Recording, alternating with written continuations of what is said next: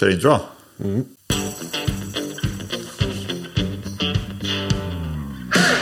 Jegerpodden, en podkast av og for jegere.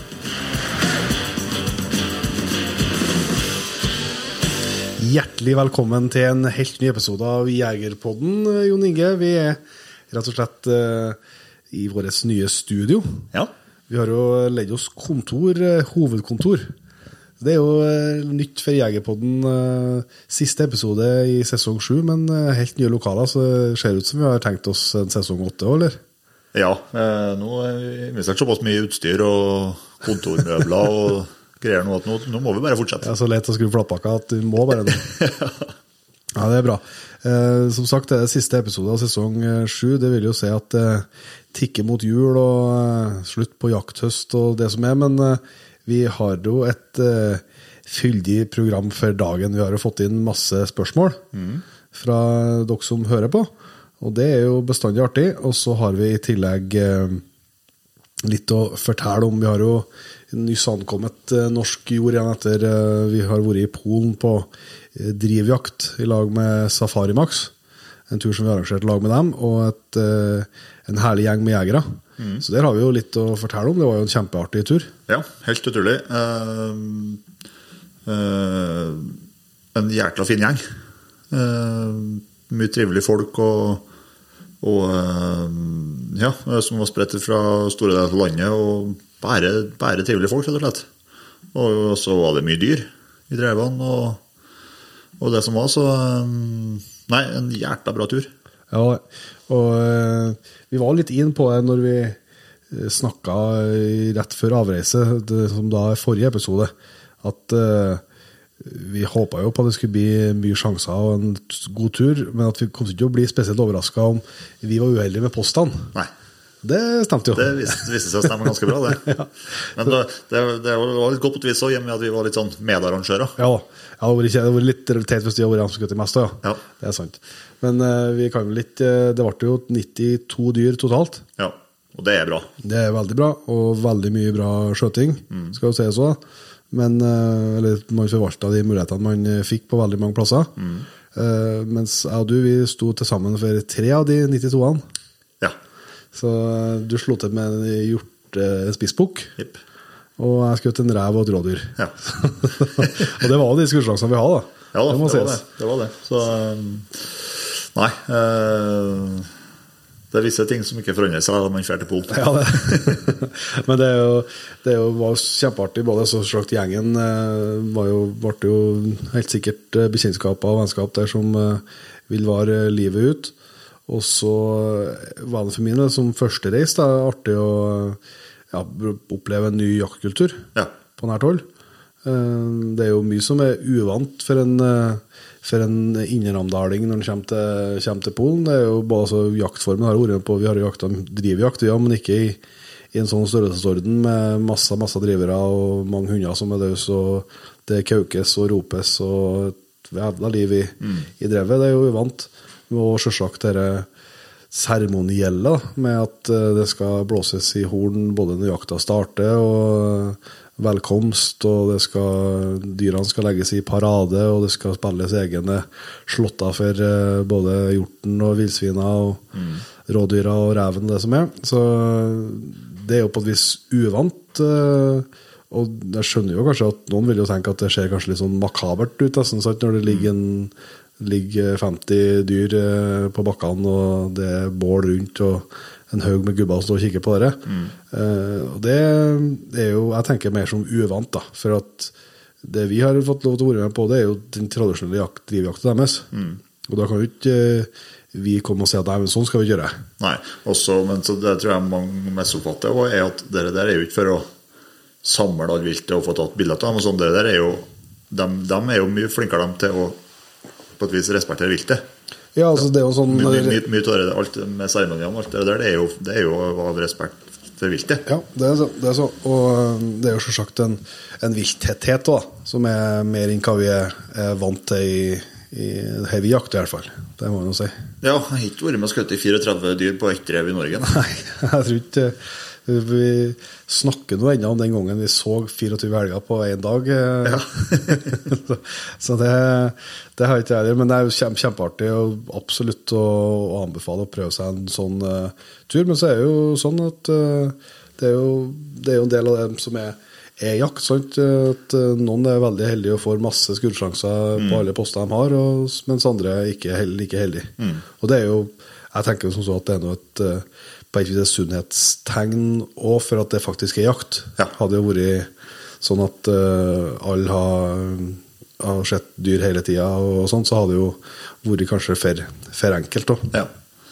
Nei, altså klart, eh, det er ikke, eh, Vi var jo 21 jegere, og det er jo ikke 21 gode poster på, Nei, kvarter. på nei. hvert rev. Nei. Så det um, um, Og der, er- alt det der er jo tilfeldig. Du trekker jo et kort Du trekker et kort der du får, får, et tallet på hver post Mm. eller videre resten utover dagen.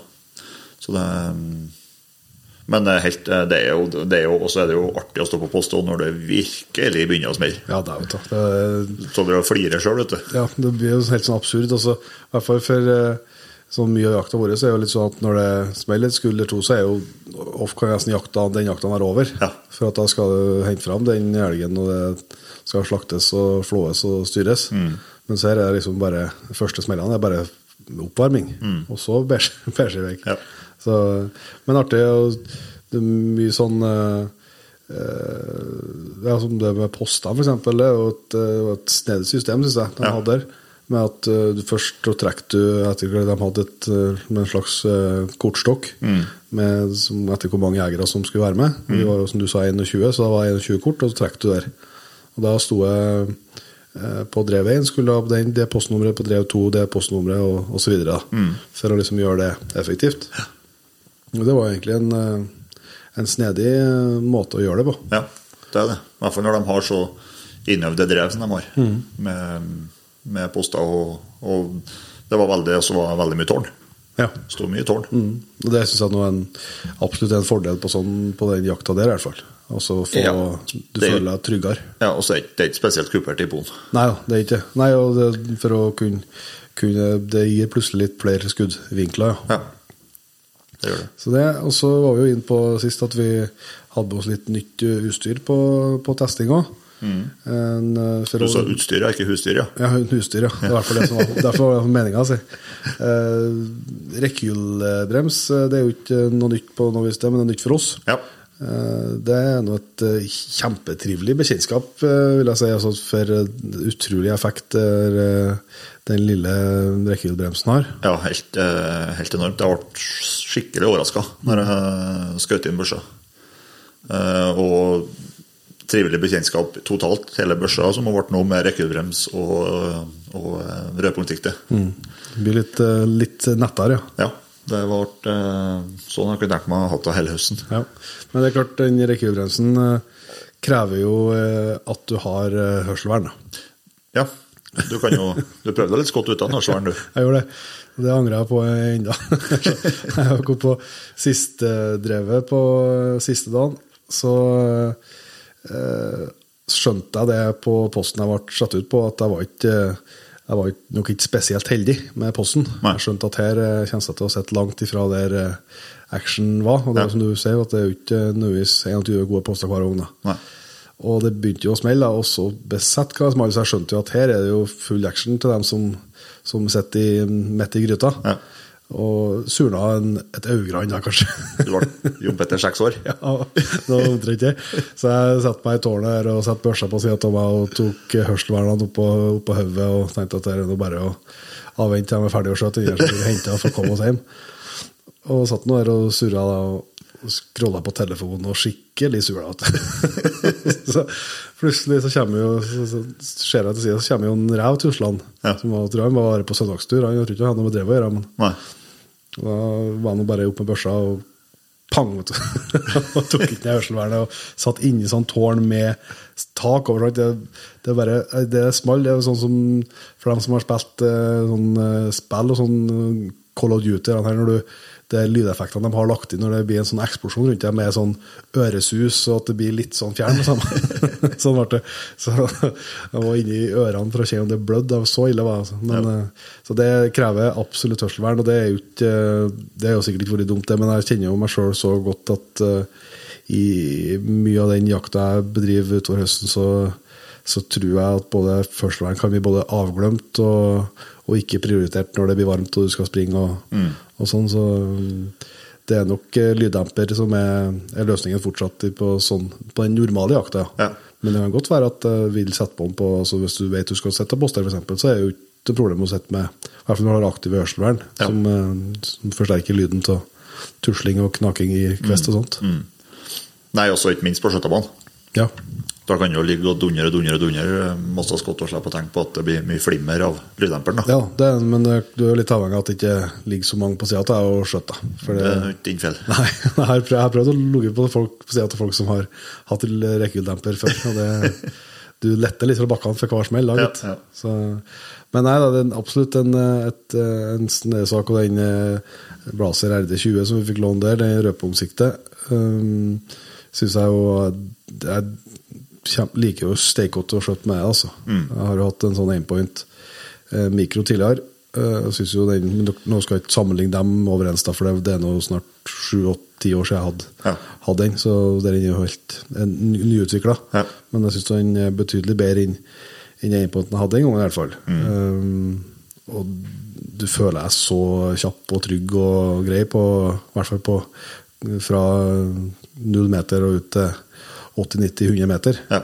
Eh, Så vi har diskutert mye på, etter hjemkomsten, vi. Ja. Eh, fordeler og ulemper med det til den jakta vi driver ellers. Eh, Du vil nok i en del situasjoner både føle deg tryggere og kanskje bli litt kjappere, og så vil du jo kunne miste noen sjanser i løpet av en høst òg. Ja. Nei, blir tror uten tvil det blir kjappere å skjøte. For du, først så kan du ha begge øynene åpne, og så blir jo våpenet en del lettere. Ja. Eh, Det blir jo mest som haglskjøting, og så er det minst det der med at du når, eh, som, du snakket om tidligere, når eh, rødprikken ligger i bogen, så klemmer du på. Det blir ikke mye finsikting. Nei. Og det er noe plusser og minuser med det, selvsagt. Men, ja. det, nei, men så er mister du samtidig kanskje noen sjanser på i hvert fall en uh, elgkalv på oven, særlig over 100 meter, så blir, blir de små. Ja. Det blir liksom veldig mye rødprikk. Uh, og så likeens eh, er det jo en del situasjoner, i hvert fall for oss som jakter med løshund, men også hvis du driver med smygjakt, og sånn, sånt, så er det jo en del situasjoner der du, det er ganske tett. Uh, Men det kan være mulig å skjøte hvis du kan zoome deg gjennom og se at, er, at du har et, faktisk et, eh, en tunnel bortåt eh, Ja. viltet. Og den muligheten mister du jo med en sånn en. Ja. Og så litt det her prikkskyttet. Med, å legge, med at du kan faktisk legge eh, skuddet rett bak bogen og Ja, så, unngå sunnskyting således. da. ja, så det, det, er jo, det er jo som i alt ellers i verden, at du får ikke i pose og sekk. da. Neida. Men eh, ja, jeg det svir litt å sende tilbake den der. Altså. Jeg Ja, det, jeg har ikke helt bestemt meg for om jeg skal sende tilbake ennå. Ja, ja så, det noe, men det, jeg syns det er et veldig godt argument. eh, Altså, eh, altså, sannsynligvis altså, kanskje de situasjonene du kan få til å skjøte de ekstra som følge av at du har en sånn en, eh, er kanskje noe det er det samme som du mister med å ikke ha en sånn. da. Lett å si at det er sånn, i hvert fall. Og da er det jo det argumentet som du hadde med, med vekta. Ja. Som er et godt argument. Altså, som, eh, for at det er å se sjøl i speilet. Stort sett så får vi noe bedre på det børsa. Ja. Det er noe, stort sett det jeg bruker det til. Så det er klart at eh, Jeg vet ikke, jeg har ikke veid den der, men, eh, men at den fort er 200-300 gram lettere i en vanlig kikkert, det er den i hvert fall. Ja. Jeg så, jeg, jeg veide jeg ble så hjertet smekker og fin børsa mi med den der, så jeg veid, veid eh, R93-en eh, med, med den RD20-en på, og rekkebremsen, da veide jeg 3,4. Ja. Og stort lettere enn det er det vanskelig å få en blazer, egentlig. Ja, det er. Hvis du ikke begynner å virkelig dra til med noe karbon og, og sånt, i hvert fall. Ja. Så øh, det er jo uansett et godt uh, argument, så vi får, uh, vi får komme, tilbake, komme tilbake til. Men, Ja. det, men det er vanskelig å kvitte seg med kikkerten nå. Altså, Ja. Du kan liksom, uh, i hvert fall fordi at det plutselig er det noe, noe, er noe type bukkjakt eller, øh, eller toppjakt eller Ja. øh, sånt øh, som Og det er klart sånn på en rev, eksempel, så på noe særlig mer enn Eh, Altså på, og du får ikke å sikte noe særlig på den liksom på mer enn 50 meter. Nei. Da er en, da er en bort bakom. Vi prøvde vel et hvarsint skudd i Polen etter en rev på litt eh, Ikke noe langt hold, det er kanskje snakk om 80-90 meter, da. Ja. Men eh, det var gambling, det, gitt. Ja, han sprang Jeg vurderte ikke å følge opp med et skudd heller. så det var eh, godt. Men, men helt klart, til, til drivjakt i Polen, eller til generelt drivjakt i Europa, Mm. så er rødpunktsikte à la den der, det er helt optimalt. Altså. ja, det må være. For det- du, de vil jo helst ikke at du skal skjøte De vil helst ikke at du skal skjøte mye på over 100 meter. Nei. Og, og på, på drivjakt så kommer de fort òg. Ja, det det. Og, og begynne å skjøte på noe, på noe rådyr eller hjort som har full spiker på 152 meter, det, det gjør ikke jeg i hvert fall. Nei, nei. uansett. nei, nei og så er det jo det var i hvert fall av de postene jeg hadde, så var det kanskje en eller to at jeg kunne ha fått til å skutte i over, over, 100 og, over 100 meter. tenker jeg. Ja, ja. Så bringer han seg sjøl, så Nei, det um, Vi får se om det om det, det blir tilbakesendt eller ikke. Det er nå jul snart. ja, det, det, det, noen Can you hear me? Nei, det var um, Det var noe litt ifra, ifra Polen. um, Kjempeartig tur. Håper vi kan uh, få til noe det samme igjen. Og vi planlegger i hvert fall å, å arrangere en ny drivjakttur neste år. Ja. Så får vi komme tilbake med, med detaljer og, uh, både om hvor og, hvor og når og hvordan. Men uh, har du noe lyst til å slenge deg med, så, så kan i hvert fall muligheten dukke opp. Mm.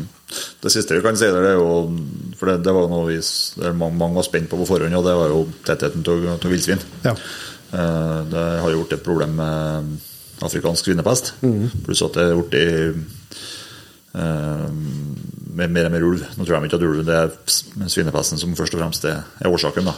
Men vi så vel eh, atskillig mindre gris enn hva vi har Håpa, ja. håpa på forhånd, forhånd. Det Ja. ble vel ble det 15 eller 16, ble det? Ja, noe sånt. Så det, det er absolutt det er ikke å- Og det tror jeg i hvert fall Det jeg har fått hørt både fra dem som var med på jakta der, og, og snakka med ellers, så, så er det, er det en utfordring flere plasser, eller mange plasser i Europa. Det. Ikke nødvendigvis Det var ikke, ikke afrikansk svinepest påvist det vi var. Nei.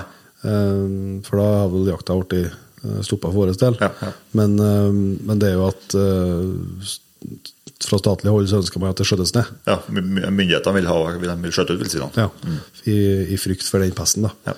Så, så det er nok eh, en realitet man har som realitet der, og det tror jeg det er, er flere plasser etter hva jeg forstår. da. Ja.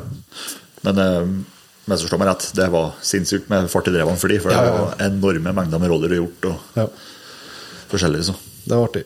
Nei, så eh, det får vi komme tilbake til når en ny tur er, er planlagt. Men eh, det er jo eh, siste episode av sesongen. eh, Det holder jo også på for alvor å tikke mot slutten på jaktåret 2021, da. Eh, og vi skal jo litt innom Eller vi skal ha mange lytterspørsmål etter hvert, så der jeg vet at det kommer spørsmål både om høydepunkter og sånn, så det kanskje vi kan Kanskje vi skal ta spar til da, men det har jo Det er jo et, det er vanskelig å, å komme på hele året når du sitter og, og tenker på det, men hvis det, hvis det tar litt eh, tar litt eh, For min del så blir det liksom det har vi, vi har snakka mer enn noe om Jegerpoden, og for min del så, så er, er det et dritår. Eh, Så enkelt er det. Og Den jaktus du helst vil glemme, ja. ja, og det, er liksom, det har farga nå når jeg sitter her nå, så selv om det var sikkert eh, mye bra første det halvår, Ja, ja. eh, så liksom kommer det i skyggen uansett. Ja. Så, så det blir liksom det som, eh, som eh, jeg sitter igjen med. Men hvis en prøver å skuve det unna seg så godt som en klarer, da, så, så har vi jo fått til en episode i vekka. Og vi har i lag med dere som hører på, klart å nå et mål som jeg i min villeste fantasi ikke hadde trodd vært mulig hvis noen hadde spurt meg for, for to år siden, med 3000 patrients. Um, vi har laga noen episoder, eller hatt noen gjester, rett og slett, som, um, som har laga fantastiske stunder, syns jeg. Ja. Um, det er bestandig vanskelig å trekke fram hva som er det beste, uh, fordi at det første er noe uh, høyst individuelt, etter hva du blir mest interessert i, kanskje, og sånn. Og så tror jeg noe av det er fordi at vi har, vi, vi har fått til mer og mer episoder som vi har tatt opp live. Ja. ikke live, men altså at vi har vært og besøkt gjesten. Yes. Og, det, og det blir bedre innhold av. Ja, det syns i hvert fall jeg, synes i hvert fall jeg og, og vanskelig å trekke fram, men jeg syns jo f.eks. eh, episoden vår med Odd Ivar Rønningsgrind Ja. eh, står fram som, et, eh, som en stor eh, opplevelse for min del. Eh, liker selvsagt Børge Ausland. Ja. På å prate med han, som har vært et, uh, et slags forbilde hele livet og en stor, i stor tid. Eh, så det er liksom vanskelig å og Jeg har jo veldig ofte den opplevelsen etter hver eneste prat at jeg sier at her er det beste vi har hatt. Ja. Og det, så, og det mener jeg jo av hele mitt hjerte akkurat der og da. Så det er vanskelig å, å trekke fram, da. Men det er jo òg sånn når liksom jakthøsten nærmer seg slutten, da, så farsken jeg føler jo at vi har jakta så altfor lite. Ja. Det, jeg deler den følelsen, altså. Jeg tror ikke alle rundt oss er like enige, men, men eh, Nei, det blir, jeg, jeg føler spesielt eh, Jeg hadde håpa på å få jakta mye mer elg i år. Jeg føler den elgjaktsesongen her oppe, til tross for at man har jakttid fra 25.9. til jul, så føler jeg sesongen oppi her blir kortere og kortere. Eh, først og fremst av det, det så ærlig må man være at det er pga. tamreindrifta. Mm. og at vi velger å jakte med løshunder. Ja. Det hadde jo vært eget feil sånn sett. Ja. Um, det, ja, det er nå ett uh, Og så så hadde jo selvsagt uh, mye planer som ikke ble noe av. Da. For min del så går det i stor grad ut på at jeg hadde jo sett for meg å jakte mye mer med Zero.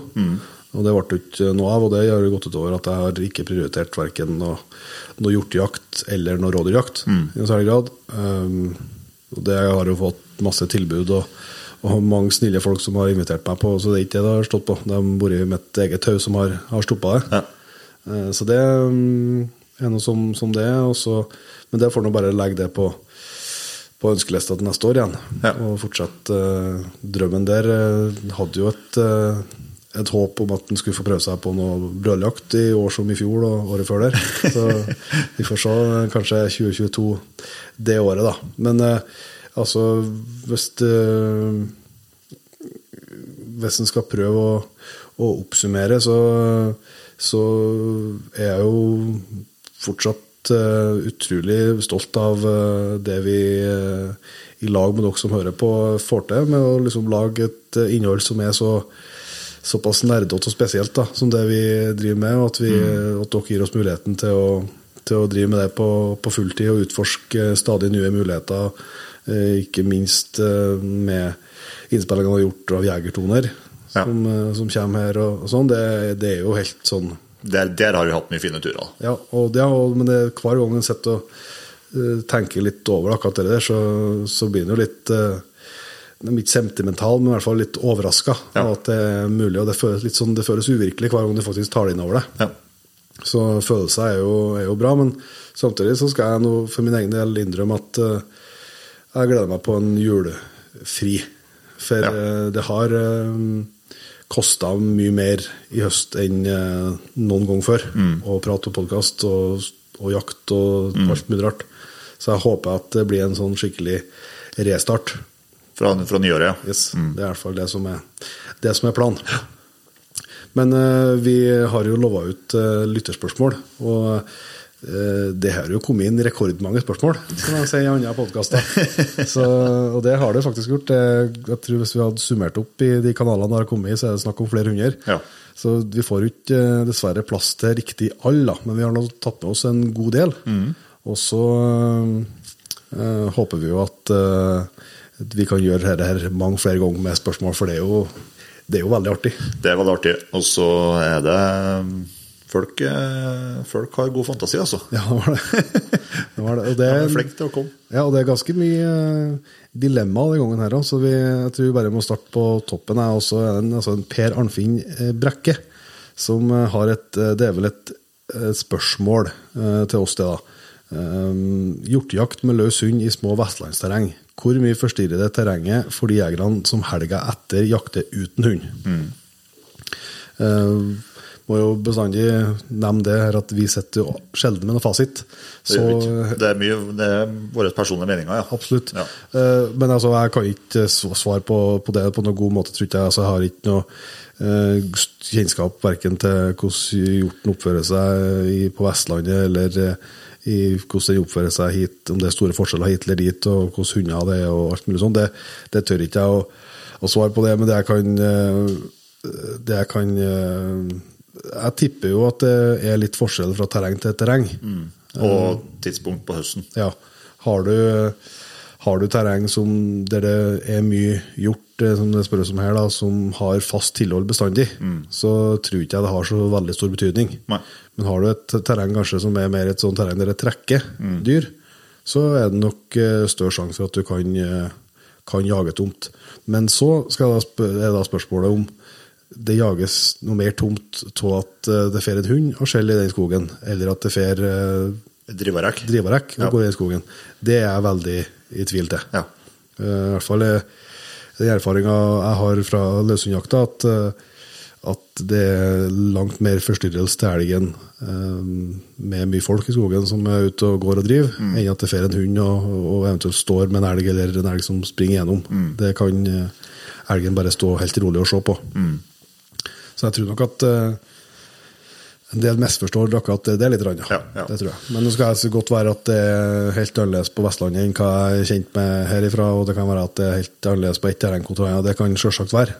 Men uh, jeg tror nok at uh, jeg tror nok at en del, en del misforstår det. Altså, og det går det er rett og slett så enkelt som at at du på, slipper en hund, og så har du peil på den hunden, så ser du at der får en hjort eller får en elg, og så springer det eh, tre valp på bortsida. Og du tenker at ja, nå er den hjorten der borte. Ja. Uh, og det kan jo godt hende, det er sikkert den kommer tilbake.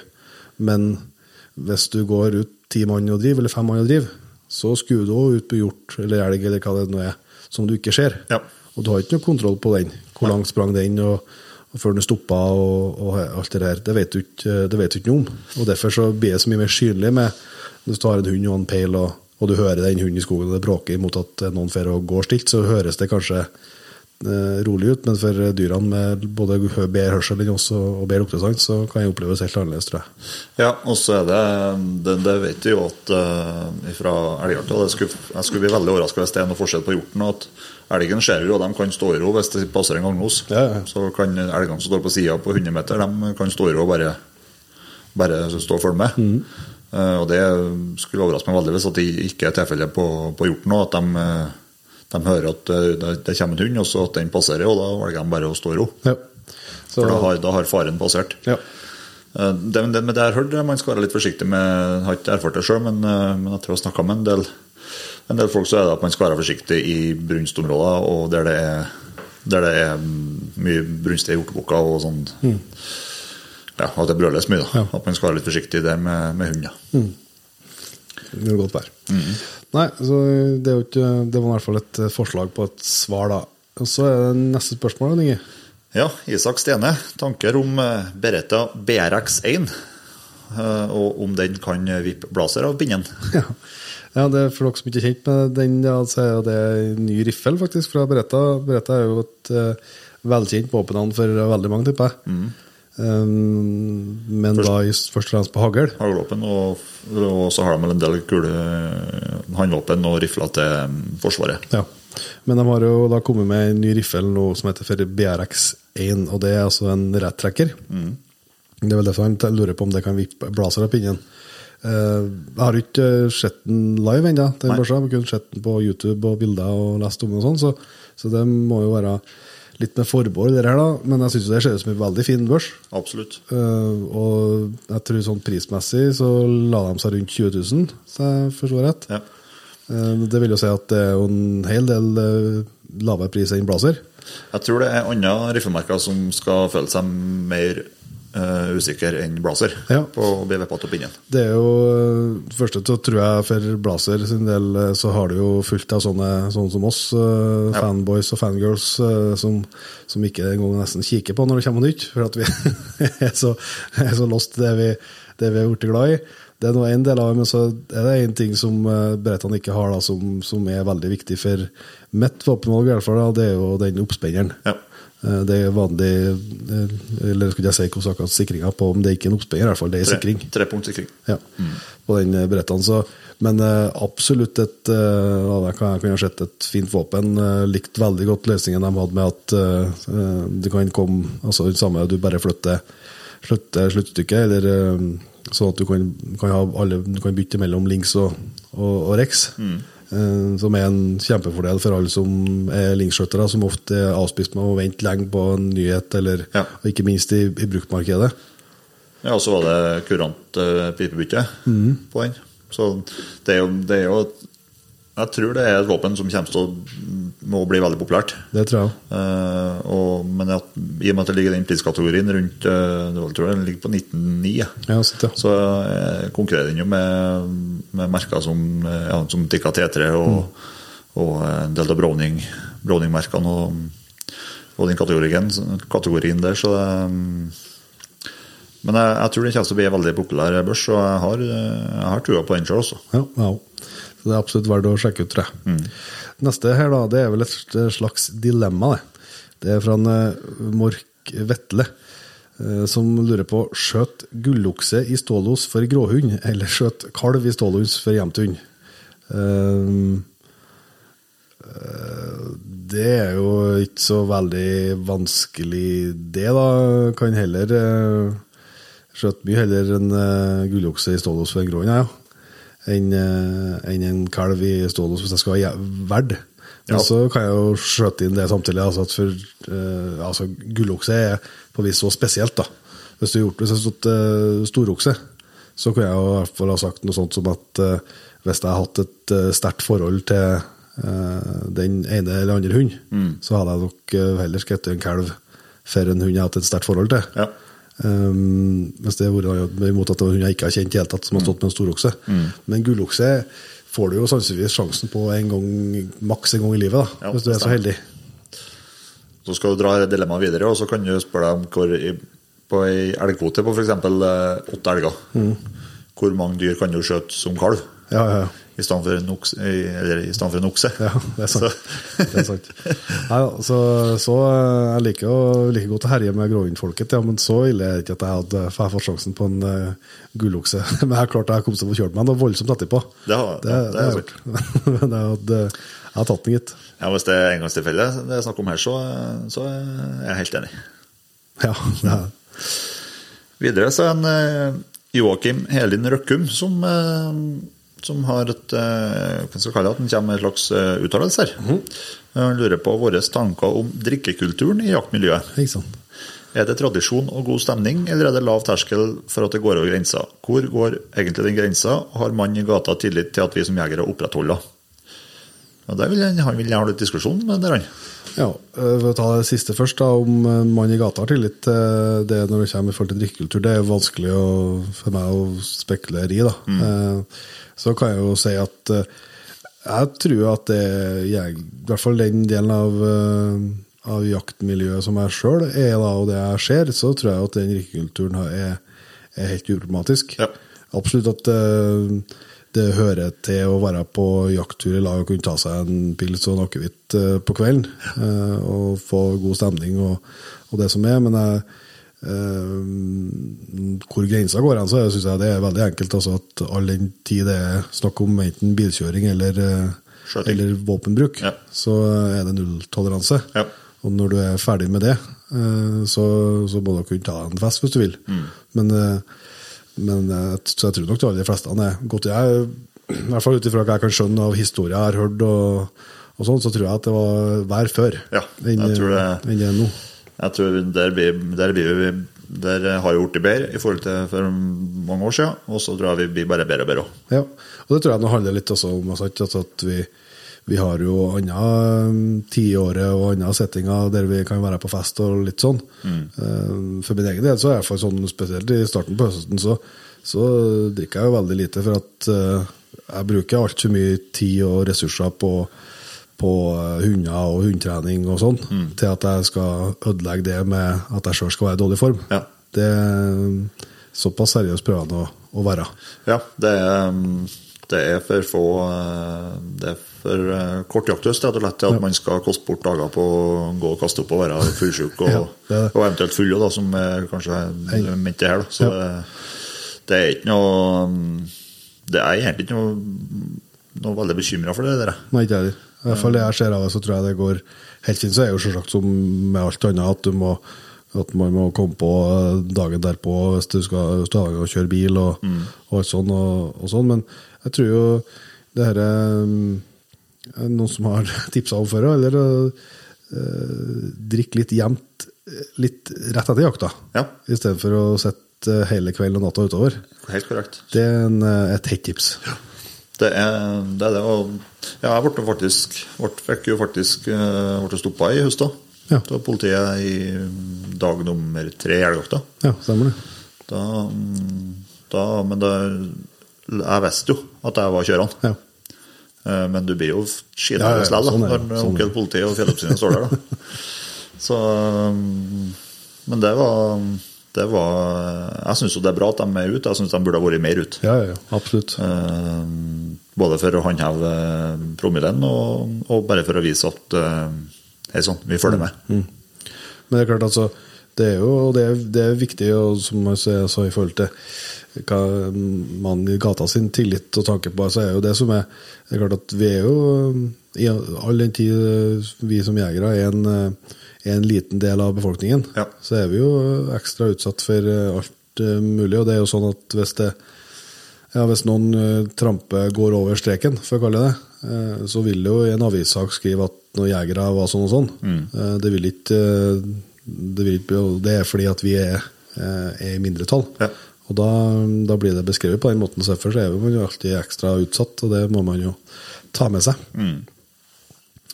Så er det en uh, ny herr fra en Kjetil Nordfjellmark Bårdevik, som lurer på Han håper å få høre noe mer om den fantastiske gatemikskvalpen oppe i Grøndalen. Om uh, det blir noen jakthund, og om den har fått gjeta noe elg i høst. For dem som egentlig ikke er med på den eh, referansen, altså røk jo uh, din hjemthund Brutus og din eh, border collie eh, Vilja Ja. på ei tjuvparing eh, på vårparten her. Det ble det. Og der ble det så du beholdt et, eh, etter, eh, et, etter, et avkom, da. Ja. Det er så mye som du har herja med høst, så er det godt å bli Det er ikke noen som har fått det med seg. Nei, jeg, jeg har fortsatt trua der, altså. Eh, Den fantastiske gatemiksen som det står her, det tror jeg nok vi skal Det blir ikke noe, blir ikke flere kombinasjoner. nei. Ja, får vi se hvis det blir stegpla, så. Eh, jeg tror det Hun er jo selvsagt Det er altfor tidlig å si. Hun er sju måneder nå. Mm. har ikke, hun har å helse seg på noe på noe dødelg og gått litt spor og sånn i høst. Eh, Hun har ikke sluppet eller noe, hatt noen intensjon om at hun skal treffe elg i høst. Nei. Så det blir ikke før til neste høst at eh, vi kan komme tilbake til om, om eh, det er en blivende kombinasjon. Ja, ja. Eh, men jeg, jeg skal jo ikke ha en Målet mitt må være der. Jeg skal, skal ikke ha noe hjemthund. Jeg skal Nei. ikke ha ei som er eh, med sinnssykt søk og bra poenglighet. Eh, For det har jeg. Mm. Målet mitt med den der er at hun skal bli litt mer eh, At det går an å slippe klokka to på dagen. Og at jeg har med meg hjem igjen klokka seks. Eh, Så det skal bli spennende å se. Og jeg- det er litt sånn Det er tydelig at det ikke er noe, at det ikke er noe eh, trøkk over henne på et vis med at hun er kanskje litt feigere. eh, og Litt mer forsiktig. Eh, Men det, det er ikke noe bekymra for ennå, altså. Nei. Nei, vi får komme tilbake til det. Vi får jo litt eh, Det er sikkert vi får fasiten neste høst, eller at vi må vente til denne høst òg. Det blir jo veldig spennende da når jeg skal til å jage inn den uh, miksen der, samtidig som at du skal til å jage inn en uh, ren hjemtur. Ja, to. To, ja. Stemmer. Så, Så det- er kjenner på presset, ja. Ja, jeg kjente det presset ligger i hvert fall ikke på meg. Det er sant. Det er sant. Um, så er det et spørsmål fra duojakt, da. Duojakt, vet du. Etter en sesong med oppturer og nedturer, hva sitter dere igjen med som det fineste øyeblikket? Ja øh, Si det, da. Si det, da. Uh, nei, som jeg var inne på i starten, så er det jo definitivt nedturene som lyser tydeligst for meg når jeg ser tilbake. Uh, men uh, fineste øyeblikket, da Hva skal jeg slå til med? Selvsagt Det er vel topp tre, da. Så det er vanskelig å plassere dem. Jeg syns jo den eh, kalven jeg fikk skjøtt for eh, Dime da etter at jeg gikk til skogs med Tinka, det var jo eh, Den P3-helga? ja, det var et eh, Det var jo veldig bra. Eh, og den eh, kalven en Jørn fikk skjøtt for en Dime eh, eh, Det er jo sånn altså, Det var utrolig fint eh, øyeblikk. altså akkurat skuddet akkurat øyeblikket, men det, det, en, eh, det var et område, en plass jeg er veldig veldig glad i. Um, og i motsetning til de aller fleste dagene så gikk alt som planlagt. Ja. Uh, alt stemte akkurat sånn som det skulle gjøre, og vi fikk uh, mye spenning for, for den turen vi har ut. Og så ikke minst den dagen der var nå en av få dager med finvær. Ja, ja, det var helt sånn magisk Det, vær. for det har ikke vært vi har ikke vært bortskjemt med finvær i høst i Trøndelag. Absolutt ikke. Så det setter, Men så er det jo selvsagt vanskelig å komme unna den de dagene vi hadde i Børgefjell, eh, der du skjøt eh, storoksen og skjøt en kalv, og, og hele den turen der med to gode kompiser, og, og, og alt klaffa så voldsomt. da. Ja, ja. ja, det er ikke eh, Det er vel ikke noen tvil om at det er den dagen der som er høydepunktet mitt i høst. da. Nei, jeg skjønner. det. Nesten blitt litt snøver hvis det kom en annen, Ja. Men det var jo jeg hadde, Det gikk så opp og ned den dagen der. Jeg har jo stortroa på forhånd til at eh, vi skulle få se masse elg og spor og, og greier. Og at jeg, skulle, jeg har ikke forventa noe los i meg for at det ble noe hundearbeid av noe slag. da. Eh, og til at vi for over, eh, for over Glomsvatnet og, og gikk over ja, gikk en fem-seks kilometer uten å se tendenser egentlig til melkespor. Mm. Eh, mest reinspor. og var- På et tidspunkt her så bestemte jeg meg for at her blir ikke noe. Her blir jeg bannhund resten av dagen. Eh, til at det kom meldinger om at det begynte å se elg i kikkert, og, og hund begynte å få været av elg. og det, det snur seg totalt da, om å kan eh, få, får, eh, slippe hund og, og, og bruke termisken og får fin opplevelse med den med at du ser at det står elg spredt utover hele lia. Eh, og så at det da stiller seg i uttaket uh, oppe i fjellskogen langt inni Gokk. det, jeg husker så godt øyeblikket når det ble uttak og det ble helt stilt på radioen. Vi var fire stykker, ingen som sa noe på fem minutter. og så jeg husker ikke hvem det var, men det var en som kom med Ja, nei, det ser ut som det blir stående, det. Nei, det var faen meg bra, ja. ja, det, er- det er det er topp tre på i hele livet, den dagen her, altså. Ja, det skjønner jeg veldig godt. Nei, men jeg har jo andre mm, sånn øh, Det var jo, Jeg fikk jo skjøt en elg, eller skjøt, avslutt på en elg øh, for Dime øh, i Sverige. Helt i start på september. Rett etter vi henta han. Og det er jo Det var jo ikke felt elg fra han før vi henta han. øh, Så var jeg jo litt øh, gira på at jeg skulle bli, stå i uttaket og, og være liksom rett sånn. og det var noe liksom første Jeg visste han hadde gått prøver, sånn, så jeg skjønte han funka. Det skjønte jeg da jeg begynte å slippe at det var jo jakt inn. Men det var liksom det første Det var jo en sånn eh, Ja, det, du skjønte jo at dette blir jo det. Jeg vil, jeg vil jo si, jeg skal ikke legge ordene i munnen på men jeg vil jo si at den, eh, når ting ble som det ble i høst, så er jo en Dime en stor opptur. Ja, ja, uten tvil. For det er jaggu ikke eh, alle som henter seg en ferdig, ferdig jakthund fra Sverige, som, nei, fra Finnmark, som, eh, som får en sånn hund, altså. Nei, absolutt ikke.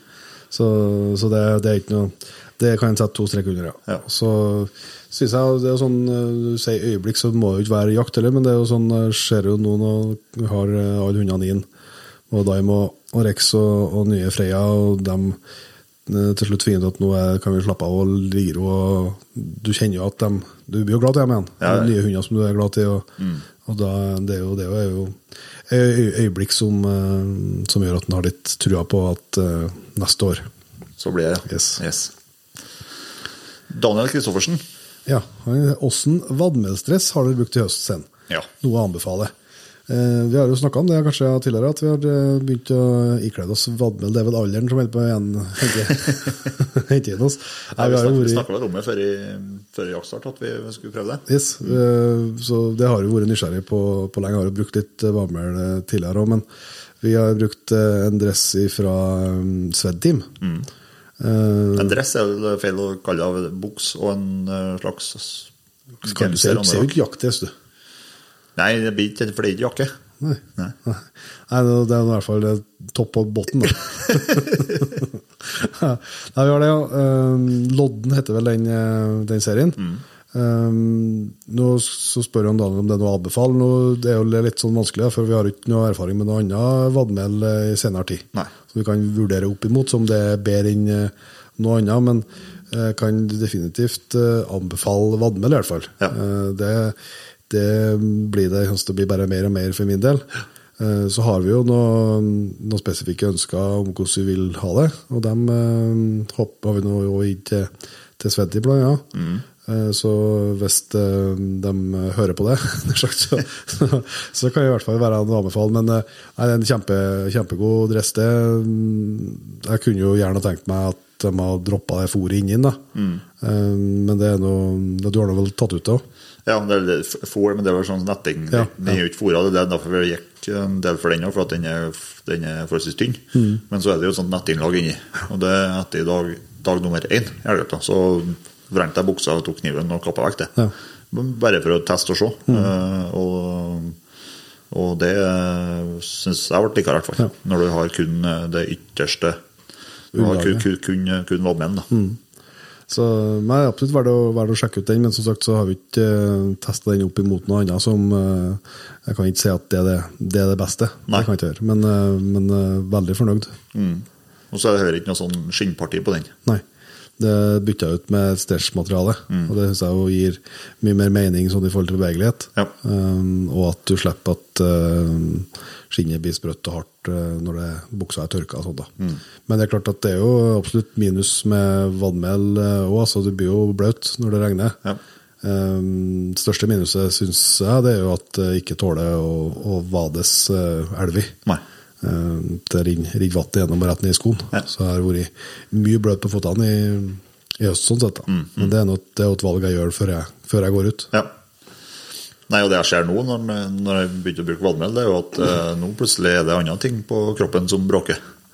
Eh, for nå er ja, sko, skoene og sånne ting, men, men klærne eh, klærne er stille, og da holder jeg på å kikke litt på forskjellige detaljer på sekken som du hører bråker nå. Yes. Da, da. Ja, det er sånn. Ja, så det blir det er stadig må til utvikling. Eh, Ole Henrik Stokke. Han, eh, det er vel et dilemma. Han kommer med å kjøre splitter ny Jegerpodden Hilux i ett år, men kun gammelku i hver los drev, eller kun måtte sykle i ett år, men gullokse som står i uttaket i hvert slipp. Eh, Sier du det, ja? Det, det første der, det er jo livet, det er jo livet vårt. Ja. det er noe gøy å kjøre ikke ny Hilux, da.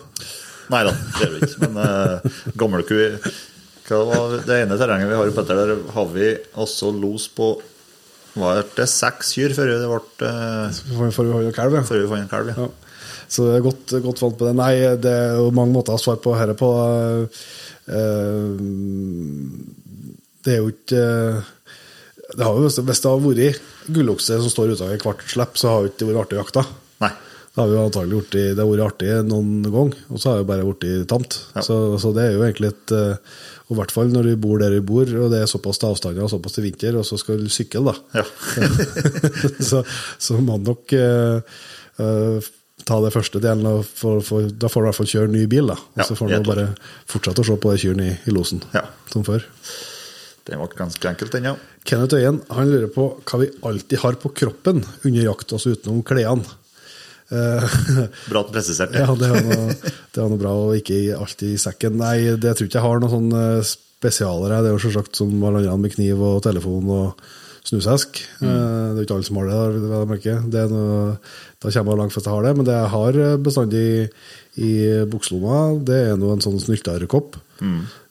Sånn brettbarekopp. Ja, for det, det, der er du flink. Der er jeg flink. Koppen, og så stopper du faen meg å drikke hver en bekk òg, ja. Yes, jeg gjør det. Og, så der er jeg stabil. Og så har jeg en sånn, eh, eh, sånn vindsjekker eh, som vi har i nettbutikken. Det har jeg bestandig i lomma. Det er nå vel eh, det som er standard, standardutrustningen. Mm.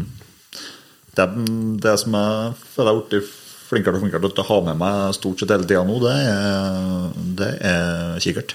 Ja. Den er med mer og mer, altså. Mm, Det er jo, tror jeg, rekord på det i høst. Ja. Eh, Det er Ja, det er for at jeg det er nok, eh, Man skal jo være forsiktig med å skrive, men det tror jeg for at jeg føler at det skjer mer og mer med kikkerten. Ja. Eh, Og, og føler at man blir litt naken uten. da. Får litt mer nytte av den, ja. Ja. Laugen han spør hva er en god jeger. Er det den som skyter mest, er det den som skryter mest, eller er det han som mener han vet best? Ja. Det er jo Det er noe Det er jo alltid et spørsmål, det er hva som er en god jeger. og Jeg tror ikke det fins ett svar på det, da, men jeg tror i hvert fall jeg kan si så mye som at min erfaring er i hvert fall at de jegerne som jeg sjøl ser mest opp til, det er i hvert fall ikke dem som skryter mest, eller dem som mener de vet best. Nei. Eh, Så mye kan jeg i hvert fall si, eh, fordi at eh, eh, Jeg syns nesten det er heller helt på andre sida at det kjennetegner de jegerne som jeg ser opp til, og som jeg opplever som jeg, vet er veldig dyktige. Da. At uh, de eh, er alltid på søken etter ny eh, både kunnskap og læring, og mener ikke de sitter på noen fasit uh, sjøl. og de er veldig vanskelig å få til å skryte. Du, kan, du kan få dem til å fortelle, Ja. men uh, ikke skryt. Så, og det jeg absolutt ikke være dem som skjøt mest, for altså, det er jo et helt umulig definisjonsspørsmål. Ja. For at uh, jakter du jo ja, Sånn som det er jo, Hvis du har jakta der vi var jakta i Polen Ja. uh, i løpet av en høst, så er det klart da er det dårlig hvis du skjøt fem dyr. Ja. Uh, hvis du ikke får til noe mer enn det. Da er du forholdsvis hjelpeløs. Ja. Men, men det kan være andre områder i landet og terreng som der å skjøte fem dyr en sesong er en kjempeprestasjon. Absolutt. Så, så det er jo heller ikke noe, noe fasit på en, hva som er en god jeger. Nei. Men jeg tror nå en god altså, Det er jo ikke noe vanskeligere å bli god på jakt enn på noe annet. Det handler jo om å holde på. Ja. De som jakter mest, og som stadig reflekterer over eh, de gangene det gikk bra og de gangene det gikk dårlig, mm. som stadig hører på, på andre, samme om de eh, har mer eller mindre erfaring eh, og søker ny kunnskap. Jeg tror jo at de blir, blir bedre og bedre. Ja. De som, det, det, det står at den som skjøter mest, men kanskje det, det, altså, du blir dess mer du er ute i skogen, dess bedre blir du. Den som jakter mye, han blir god. Ja, og dess mer flaks har du, og Ja. alt som det, som det høres, eh, hører med. da. Absolutt. Og hvis du da i tillegg eh, eh, har en evne til å dele kunnskap og ta imot kunnskap, da har du kommet langt på vei. Yes. Eh, Neste spørsmål er da fra en Inustan. Mm. Bare spis storfugl, tiur og røy, eller bare elgkjøtt resten av livet? Da må du gå for elgkjøtt, da. Det blir fort, det, ja. Det er jo selvsagt steikgodt med tiur, men det er jo det er jo like enkelt å variere. eh, Det er jo viktig med et variert kosthold. ja. Viktig at det er både steik og kjøtt i Ja, seg. det det. Så, så det er jo litt, eh, litt mer klart Du kan jo gjøre mye forskjellig med den eh, fileten på en tiur, men jeg tror nå at eh, det er noe Jeg hadde nå savna koka elgkanker litt sånn, ja, hvis Ja. jeg skulle hatt bare tiuren. Men eh, det er noe greit å kunne ha. Men eh, da må jeg gå for elgkjøtt. Ja. Nå er jeg spent, Petter. Jørgen Aasan. Alltid jakt i medvind. Eller alltid ha pipelyder fra hundeleika i skosålene. Nei, det er noe mareritt begge delene, selvsagt. Men jeg syns stort sett at eh, jeg jakter noe, om ikke bare i medvind, men stort sett ustabil vind, i hvert fall. Så jeg synes jeg har prøvd det mye. Nei, da tror jeg faktisk jeg går for pipeleike fra hundeleika i skosårene. Eh, Ser du det? Ja, det tror jeg. For ja, første så kan jo at du Ja, du er jo enormt flink til å stå i ro på post og sånn. ja, ja, ja. ja. så, ja. Men det første så har du jo da muligheten til å, å lokke deg ræv mens du er ute og går. Ja, det. så det er jo, det er en bonus. Og så andre er jo at eh, eh, litt, Vi snakka om, om det med en Brynjar sist òg, så at eh, lyd alene Altså for at lukt alene, Ja. det går alltid til helsike. Yes. Men lyd alene går ikke alltid til helsike. Nei. Eh, Så derfor så tror jeg at du vil få flere sjanser med, med, å gå med hundeleikene i, i skoen vel. Ja. Det er et poeng, det. Men jeg, jeg, har, det har jeg tenkt over flere ganger i høst, at i utrolig mange ganger har jeg hatt, fått eh, i hvert fall elg på post i medvind i høst. Ja. Eh, Men det tror jeg handler om at det har vært ganske bra med vind. Så at vind er så stabil at, at vindsøyla fra der kan gå forbi Ja. eh, den høy høyda kan du si, som dyrene kommer på. Ja, ja det kan godt eh, altså kan det lukte, det lukter kanskje ikke så skummelt her, da. Kan jo være det. Nei, det vil ikke si det lukter særlig godt, da. Men jeg kan jo da tenke at det lukter altså, Han der kan jo aldri være i live. Det må ha et åte eller noe. Nei, jeg tror det går for hundeleke i skoene, i hvert fall. Ja. Yes. Um, her er det et eh, dilemma. Ja. Er det sånn? Fra Siren Trøen, ja. Skjøt i alle situasjoner, men aldri få jakt med hund, eller jakt med løshund, men alt må skjøtes i stålos. Uh, ja Skjøt Nei, det er jo Da tar jeg jo Sistnevnte. i stålos, ja. Ja. Det kan jo ikke Hadde jo ikke vært så ivrig hvis ikke jeg hadde hatt noen hunder å holdt på med. Nei, den er ganske enkel, den her også. Og så har vi en fra eh, Andreas Drage her, som, eh, er, som jeg tenker kan være litt fin, kanskje til litt ettertanke, eh, ettertanke her. Ja, du skal ut om manus, du, nå? Ja, eh, Han skriver hver høst så bruker vi jegerne tid, energi og muskler og våre små grå på å lure elg, hjort, rådyr og det vi skal jakte på. Men vi bruker minst lik med energi på å få til barnepass og frakt til og fra skole, og ikke minst at samboer skal godta at vi gjør det vi driver med. Men når jaktåret er om, og vi står under fyrverkeriet og tenker tilbake på jaktåret, er vi da flinke nok til å sette pris på samboere, familie og venner som hjelper, og alt de hjelper til med? Og til slutt er vi flinke nok til å vise det, og kanskje si det og dele det. Hm. Ja, Det var sterkt fra Andreas. det syns jeg absolutt, Ja. jeg tror nok eh, han eh, absolutt eh, Han, er han, han, er, han, treffer, han treffer spikeren der, altså. Han treffer oss på hodet. Nei, det er jo ikke noe tvil om det at eh, skal du kunne ha, få til å, å jakte eh, så mye som vi har lyst til, og samtidig ha en familie, så må du ha folk rundt deg som uh, har lyst til å hjelpe deg. Mm. Og, Og har, forst, og har forståelse for eh, har forståelse for forespørslene. ja, er i hvert fall at de gjør det. men eh, nei, jeg er jo veldig heldig sånn på samboersida, så er jo midler like ivrig som, som, som meg. Men, eh, men har jo, vi har jo mye annen familie og venner som, som bidrar til barnepass og frakting og, og få ting til til å gå opp òg. Altså, så det er vi, kan jeg for min egen del si at jeg helt sikkert eh, kunne ha vært enda flinkere på. Og eh, både visst den eh, takknemligheten og og, og sagt det til dem. Ja, ja. Og ikke minst sikkert òg vært enda flinkere til å gi tilbake sjøl. Jeg har jo ti tommeltotter, så jeg er jo litt, eh, det er litt begrensa hvor mye jeg kan, kan bidra med sånn, men jeg kan jo kanskje gjøre andre, andre ting, da. Mm. Det er nå et, eh, et godt poeng han har, det tror jeg nå uansett. Ja, jeg tror det var Det er vanskelig å komme utenom den der altså. Så det, det tror jeg det er flere som sitter og tenker på nå også. Ja. Det tror jeg. Jeger Larsen Ja. Han uh, lurer på om vi har noen planer om å lage en større Jegerboden kleskolleksjon. Uh, ja. Nei, jeg kan ikke uh, Vi kan kanskje si at vi har noen direkte planer om det. Samtidig så er jo, som vi snakka om Vannmørsklær i stad, vi har jo noen ideer som vi har veldig trua på. Eh, og som vi maser på en del i forskjellige retninger om å prøve å få til. Ja.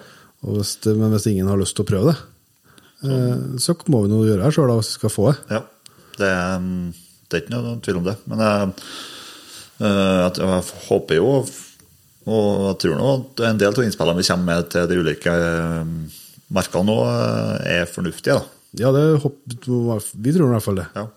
Også, men det er jo så eh, men som sagt, hvis ingen har lyst til å gjøre det, så kan jeg man er nødt til å teste det sjøl. Um, og det kan jo bety at ideen er selvsagt dårlig, men, men det kan jo være at en kan få det til. Men, men samtidig har jeg jo veldig respekt for eh, eh, Vi har jo fått lov til å, å være tett på, på gjengen i Ravne. Eh, og har jo, det er jo kompiser av oss og har jo ekstrem respekt for det de har klart å få til, eh, og ser jo hvor mye det krever. Ja. Så at eh, det, er ikke, det er ikke bare å knipse i fingrene, og så har du, har du en eh, kleskolleksjon på G. Nei, den klesbransjen, det gjelder jo ikke bare jakla heller, Eh, den er knallhard. Mm, det, så vi har jo ikke noe sånn vi har ikke noen planer om det akkurat på blokka nå, men eh, det er vanskelig å spå hva framtida bringer. Hvis, hvis, eh, hvis ikke folk har fått det med seg, så har det noen jækla fine skjorter i nettbutikken nå. Ja, ja, ja, det er det. Men det er jo Ravne som har fiksa til oss. Det er det. er det. Så det er jo bra at da kan de holde på med det de kan, og så kan vi lage podkast. Ja. det er jo ikke noe som er likere enn det. Ehm, neste spørsmål er fra Rune Eisar. Han lurer på hva vi bruker til å frakte ut dyra med. Er det Jernhest, ATV, sekshjuling, traktor osv. Det ja. Det, var ikke noe fast svar på det. Det er bare noe litt.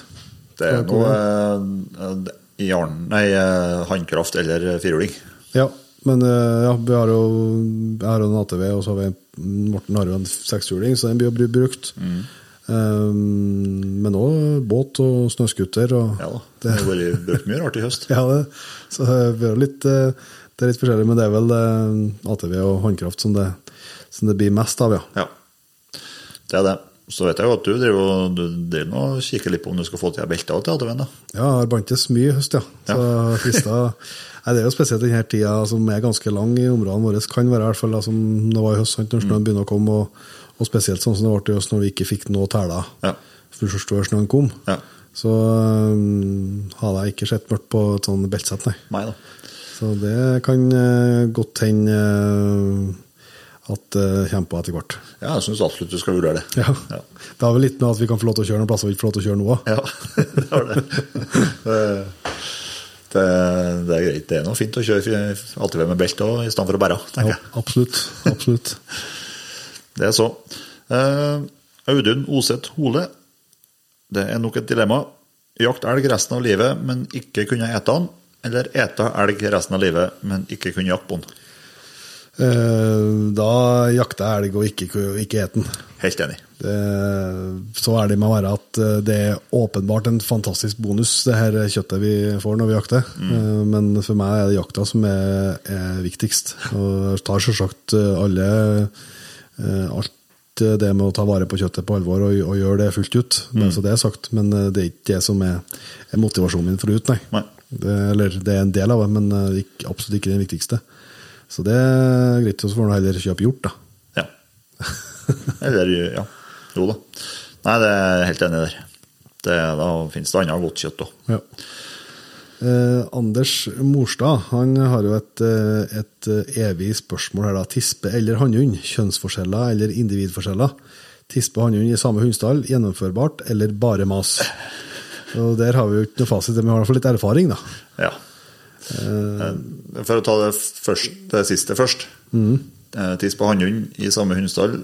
Det, det kan være mas, men det er fullt mulig gjennomførbart hvis du eh, forbereder deg godt og har eh, hundegård som er, Kjett. er tilregn og, og kjett og tak og Ja. Nei, det er klart det, er det som er store. så klart, hvis du er avhengig av å ha eh, Eller du har veldig lite plass av hundene på, eller at de må være mye i lag, eller sånn, Ja. så blir det jo selvsagt eh, litt styr. eh, Men det er jo to ganger i året, da. Ja. En 14 dagers tid. Ja. Altså resten av eh, Eller for å si det på den måte, 11 måneder i året så går det bra. Og så er det en måned i året som det ikke funker. Yep. Så, så det er absolutt gjennomførbart. Om det er forskjeller på tiss på hannhunder, det mener jeg jo at det er. Det er klart at det er utvilsomt store individforskjeller. Det fins jo um, Og jeg sier ikke på noe vis at, at hannhunder bestandig er bedre, er bedre jakthunder enn tisper, men i hvert fall så tilsier min erfaring, og, og det er også basert på mange jeg har prata med, at uh, um, gjennomsnittsnivået, for å kalle det det, eh, er høyere på en hannhund, som regel. Ja, og stabiliteten Yes. gjennom en hel jakthøst. Yes. Eh, Og det er mulig at det er forskjeller der òg, på fuglehunder, spisshunder og støvere. Ja. Småhunder og sånn òg. Men i hvert fall eh, Jeg har i hvert fall bestemt meg for at jeg kommer eh, Så lenge jeg skal ha spisshund, så skal jeg ha, i hvert fall ha i hvert fall én hannhund. Mm. Som jeg vet det er samme hund som slipper eh, hver dag. Mm. Det, det, det tror jeg nå. Men, men så det jo, kan jo være annet. Altså, det er selvsagt det er vanskelig, og det er jo individforskjeller heller. Men, men det kan jo godt hende at det er en del eh, eh, hannhunder som er litt mer sta og litt mer sti og vanskelig ellers, da, Ja. eh, enn de kanskje gjennomsnittlige tispa er. Så det er jo Du skal jo stort sett ha hund i, i hus, altså. så det er noe, eh, det er noen fordeler og ulemper kanskje med, med alt. Men eh, eh, jeg er nå veldig glad i hannhunder, jeg må nå si det. Ja. Det, ble, det er litt kompiser, vet du. Ja, det. Ja. Neste gang, Petter. Arne Jørstad Ja. han lurer på hva, hva ønsker jeg meg til jul, skriver han. Han ønsker seg hjem til hund. Ja, jeg skulle til å si han er grå inn Arne, vet du. Ja, det er selvsagt det han ønsker seg. Nei, det er vanskelig å si det, Arne, hva du ønsker til julegave. Eh, Men uh, overrasker meg litt hvis det ikke er Jegerpodden-skjorte fra Ravne, da. Jo, det, Det må være et hett tips. det er veldig bra. Lars Morten Liseth Yes. han lurer på hva ønsker vi har for jaktåret 2022? Ja, ha-ha, det må nå Det er masse ønsker og drømmer for det året som alle andre år. For min del så er det jo selvsagt det store blir jo å jage to unghunder. Um, så det Få litt, jo få litt flyt med ungene. Yes, det har vært Jeg vet jo at neste høst kan eh, Helt sikkert som andre høster vil være både opp- og nedturer, men det kan, eh, det kan bli en kjempehøst som vil bli huska for alltid, og det kan bli en sånn høst der du bare går og sparker småstein og plages med hunder som ikke, vil, eh, ikke er moden nok til å jakte. Så det, mm, men det definitivt store målet er å få i gang eh, de to, hvis det er mulig å få, få felt eh, for begge dem neste år. Så er jo det det store. Vi Mye planer med både sportrening og, og sånn når vi begynner å nærme oss våren igjen. Og så er det jo den evige drømmen om brøljakt. da. Mm. Det er noe et definitivt ønske, og vi har òg snakka en god del om reinsjakt. Det er, er uten tvil. Eh, Brøljakt og reinsjakt. Eh, kanskje i høst føler jeg at vi har fått jakta litt fugl. Eh, kunne gjerne vært enda mer. Mm. men også, jo, nei, da, vi, vi deler de samme ønskene der også. Og så jo selvsagt, vi var inne på her til starten her, at vi planlegger en ny drivjakttur. Ja. Gjerne, gjerne få skjøt mer enn fire skudd på den. eh, Ja, det er jo et absolutt ønske. Og så eh, må jeg nok kanskje uh, si at jeg har en, en tanke kanskje om å uh, få prøvd eh, Dime på, på bjørn. Eh, han har jo skjelt bjørn tidligere i Finland, og jeg har jo spora bjørn en gang med han i, i høst. Eh, og det var jo så det plystra etter. Så um, håper jo kanskje at eh, Håper kanskje at det skal kunne gi noen muligheter. Da. Eh, Men det er noe litt sånn ambisiøst mål, da. men det kan jo være at det er noen plass det er mulig å få prøvd i hvert fall. Og så har du nå et uh, nytt åte. Ja. Jervåte. Um, så det er nå et, uh, et ønske, selvsagt, uh, å få jakta nå ut ifra det åtet. Mm. Så det er da alltids noe ønsker, og det er lettere å skrive ønskeliste nytt jaktår enn til jul, syns jeg. ja, det er uten tvil. Eh, Kri Sætre han lurer på om hva vi tror om å bruke boetbåndet på dags eller basset. Blir det for tungt? For dere som ikke vet hva boetbåndet er, så er det et, eh, et sånn eh, bånd som vi har i neppedykken vår for å sette på to peilere på. Mm.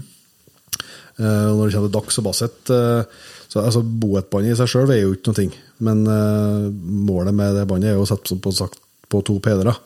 Og det er i hvert fall, eh, skal ikke jeg svare for andre, men jeg hadde i hvert fall ikke villet ha sluppet en dags med, med både altså i hvert fall de pederne som vi har. Nei, både, både trekker og Garmin, nei. Nei, eh, da hadde jeg vært ett av dem. Og da er jo ikke eh, verdien av et sånt boetbånd like stort her, da. Nei. Så, så det er i hvert fall det, det båndet i seg sjøl som er for tungt, men det du setter på båndet som, som blir tungt, da syns jeg til, til så små, små, små hunder. Ja. Jeg vil kanskje si at det er forskjell på Dax og basset og dere, da. Ja, det er godt god Bassetten Basseten og, og en, en stor, Det er stor forskjell på en, eh, på en stor basset og en, en liten Dax. Ja, det er det absolutt. Eh, jeg tror, tror nok kanskje at boetbåndet er- kan være mer egnet på, på beagle og drever. Eh, og det, det er klart, du har ikke behov for, eh, for en, f.eks. en trekker eh, i like stor grad på en, på en sånn type hund som på en eh, gjemt hund. Ja. Nei da.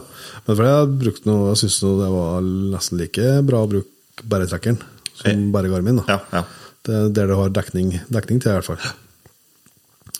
Eh, neste spørsmål her da, det er fra en som kaller seg for Jakt og friluftsliv. Eh, hvorfor det ikke hagl under bukkjakt, eh, men det Hvorfor, hvorfor ikke lov med hagl under ja, bukkjakt? hvorfor ikke lov med hagl under bukkjakt, men det når det er minst like effektivt som rifla når bukken kommer på, nært på lokk. Det korrekte svaret der det er vel det er rett og slett det at bukkjakta er storviltjakt. Yes. Det er det. Og da er det ikke lov med noe annet enn eh, en riffel. Nei. Eh, Så kan man jo selvsagt si hva man vil om, om det. Da. For min del så tenker jeg nå at det er klart at i noen høster, noen områder, så, så er kanskje bukken mer i farten og, og lettere å få inn på lokk. Mm. På en del andre områder kanskje i landet også, er jo kanskje brunsten for lengst over når eh, bukkjakta starter. Og da mm, er det uansett en fordel at du kunne ha litt lengre hold. Ja. Så det er i hvert fall eh, Om, om, det så har vært, svaret. om det så har vært lov på bukkjakta, så tror ikke jeg det er så veldig mange som har jakta med hagl.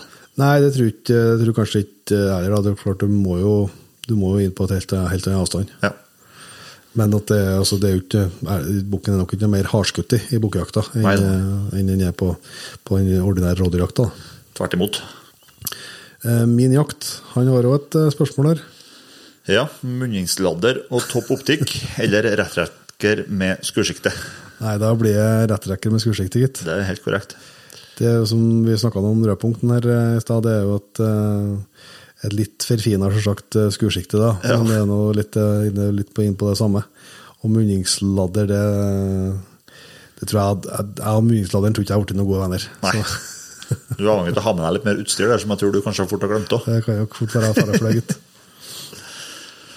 Eh, Steinar Lunde Nei, Stein Arne Lunde, unnskyld. Han skriver evige jaktmarker uten fangst eller fiskesesong inn i evigheten, bestandig med drømmebett. Så han eh, sier jo da med andre ord altså alltid kunne jakte, men aldri fått til noe. Eh, eller eh, eller eh, Fisk bestandig få noe. bestandig av veldig bra fiske. Nei, Det er klart det er vanskelig å se for seg at en skal jakte hvis en aldri skal få til noe. Det er jo ikke så langt unna, det vi driver med. men, men det ligger jo i hvert fall et sånn eh, Det er jo litt, litt sånn, i spørsmålet her også er jo da Hvis du vet at det ikke blir noe fangst Hva er det da, Hvorfor skal man da gå ut, ja? ja, Så, Men hvis du, hvis, du, hvis du tenker dilemmaet ditt, og du tar det dit at du sier at du vet ikke, du, du, har trua hver dag, så er jeg vel såpass mye mer glad i å jakte eh, enn å fiske at jeg hadde tatt den trua. Men klart, hvis jeg vet at, uh, at jeg skal jakte hver dag, men jeg kommer aldri til å få til noe, så hadde jeg jo heller villet fiske. Ja. Uh, og det Men jeg tror hvis jeg, hvis jeg ikke, ikke vet det, så tror jeg nok jeg hadde Du har holdt på i mange år. ja, ja, ja altså, men da må du jo anta at du resettes i topplokket. Det er litt sånn som vi holder på nå. Så ja, ja. Du går nå stort sett og ber på børsa, og, og det blir ikke noe, og så tenker du at i morgen, dæven han, da er jo skummel igjen. Så nei, jeg tror det ble det, ja. Yes. Henrik Thorsen, Ja. hvor står vi i debatten om hvor står vi, altså vi som er meg og du, Ja. om debatten om å bruke termisk riffelkikkert på hjortevilt og storvilt? Ja, eh, ja så hvor står den der, da? Jeg mener jo at eh, hvis det ikke finnes noen gode argument eh, for å gjøre eh, termisk eh, kikkert eh, ulovlig, så bør det ikke gjøres ulovlig. Hvis det finnes noe godt argument for det, eh, så må vi selvsagt diskusjonen er annerledes. Men, eh, og det, det jeg legger i det, det er at jeg har jo ikke skutt, jeg har jo brukt en del termisk håndholdt håndholdt for å se meg omkring. eh, Men jeg har jo ikke hatt noe på rifla, ikke skutt i noe vilt med, med det. Så jeg har jo ikke noe erfaring eh, med det, så jeg kan ikke eh, si om f.eks. sjansen for skarskjøting er større eller mindre, eller hva du må være ekstra oppmerksom på, eller om det er vanskeligere eller enklere. sånt. Det har ikke jeg noe erfaring med. Så, så det kan ikke kan ikke jeg si. Men eh, hvis, uh, eh, argumentet f.eks. med å eh, med å gjøre termisk ulovlig, er at uh, jakta f.eks. blir for effektiv, eller eh, som jeg ser en del skriver om på Facebook, at det blir for enkelt. Ja. Det mener jeg i hvert fall ikke er argument som er god nok eh, for, å, for å gjøre det ulo- ulo- ulovlig. Mm. fordi at da bør det være opp til hver enkelt jeger synes jeg, hvilken jaktform eh, man sjøl ønsker å benytte seg av, og hvordan man ønsker å utøve sin egen jakt. Og hvis vi jegerne begynner å si at eh, nei, vi kan ikke ta i bruk dette for at jakta blir for enkel, så tror jeg vi er på ville veier og i en skummel, eh, skummel retning for oss sjøl. For da da må vi jo samtidig se at eh, jakta skal være vanskelig og skal, skal må utføres med en viss risiko osv. osv. Mm. Og det tror jeg ikke er noe, noe lurt standpunkt for jegerstand å ha. da. Nei. Men så hvis, det, hvis man antar at uh, uh, termisk jakt er like trygt og sikkert som uh, jakt med vanlig optikk, for å kalle det mm. så syns jeg definitivt at det bør, bør være lov, da. Ja. Og så er et annet aspekt på kan jeg si, som så frem til at, så frem til at vi har lov til å jakte hele døgnet, eh, og derav òg om natta, så har jeg store problemer med å se at det er farligere på et vis å skjøte med termisk enn i dårlig måneskinn med vanlig optikk. Ja. Det, ja, som sagt, jeg har mangla liksom erfaringer. Jeg har bare har sett filmer på YouTube og sånt og gjennom termisk, men jeg mangler liksom erfaringer med å holde i børsa sjøl. Ja. Og så tror jeg jo at vi har kun sett starten på utviklinga på termisk. da. Ja, Eh, det- der, der eh, kvaliteten på det vi, man ser gjennom optikken, tror jeg kommer til å bli bare bedre og bedre i løpet av noen få år. Så eh, nei, jeg er åpen for å Veldig åpen for å tillate eh, termisk på spesielt, kanskje spesielt på ulike viltarter. Ja.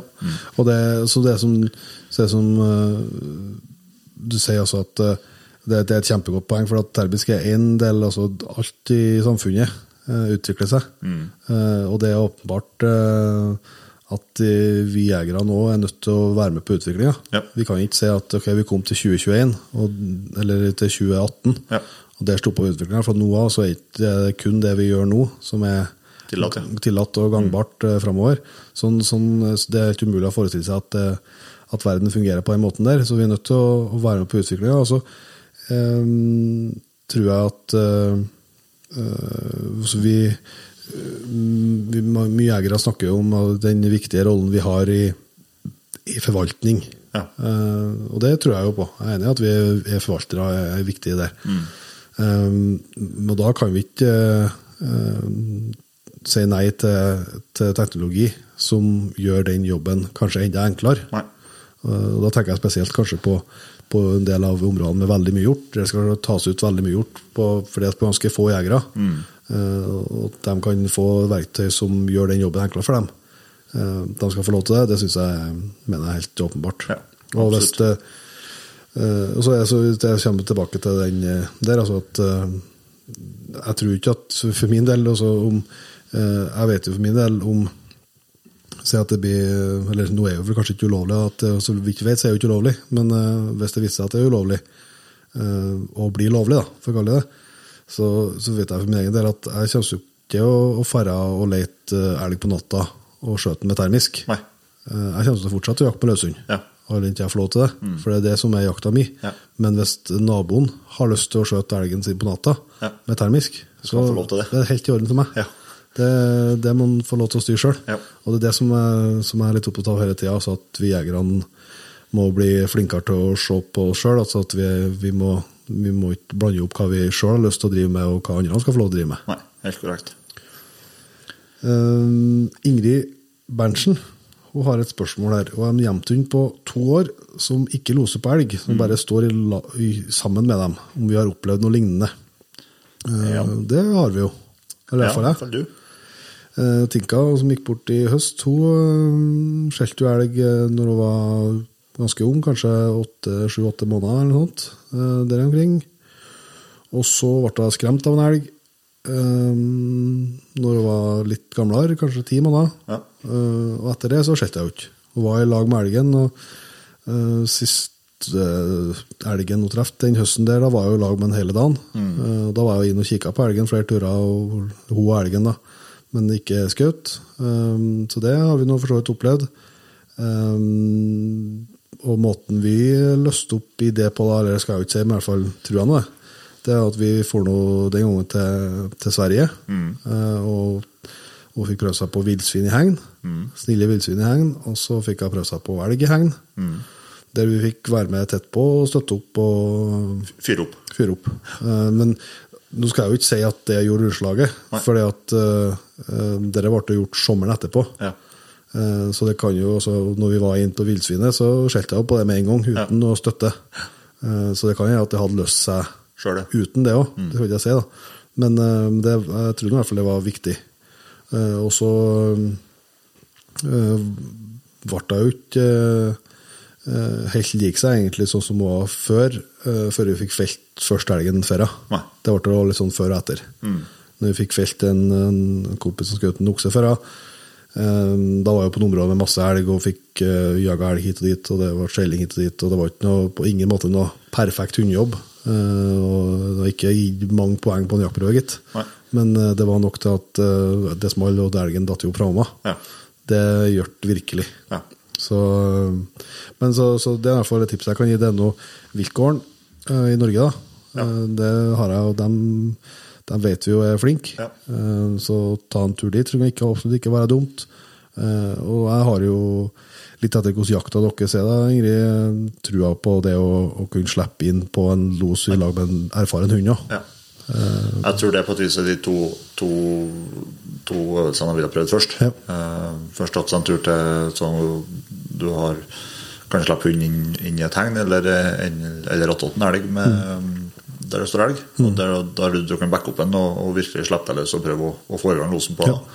Eller å slippe inn på en los som allerede står. Ja, det, det, det det jeg sier at litt etter hvordan jakta er. Det går på litt etter hvordan det jaktes. For at man er jo Det er jo liksom to ting som holder igjen på det å slippe kanskje lag med en erfaren hund. Det ene er jo at de, de er sjølstendige nok. Men det kan jo, det sier jo ikke ingen om her, men det kan jo være at hun er mer enn selvstendig nok. At det er godt søk og, Ja, ja. og til å finne elgen og tør å stå i lag, men hun vil bare ikke skjelle. Ja. det, det, er jo det står jo da, at Ja. bare stå, står i lag med elgen uten å skjelle. Og da er jo ikke, da er jo ikke noe farlig å slippe en lam med hund. Nei. Eh, Da kan en selvstendighet ned der allerede. Og så Det andre minuset kan være med det, at du, i hvert fall hvis du feller, da, at du lærer dem til å bli såkalte lostyver, som, som springer ned på los. Men for eksempel sånn som der vi jakter, så om jeg har en lostyv, så er ikke det så veldig farlig. Nei. For det er så langt til neste hund likevel. At eh, det er, ikke noe, det er ikke, stort sett ikke noe problem. Men det er klart, jakter du i et område der det eh, eller jaktlag der det er masse løshunder, eller det jaktes mye med løshunder rundt deg, så kan jo det bli utfordring hvis de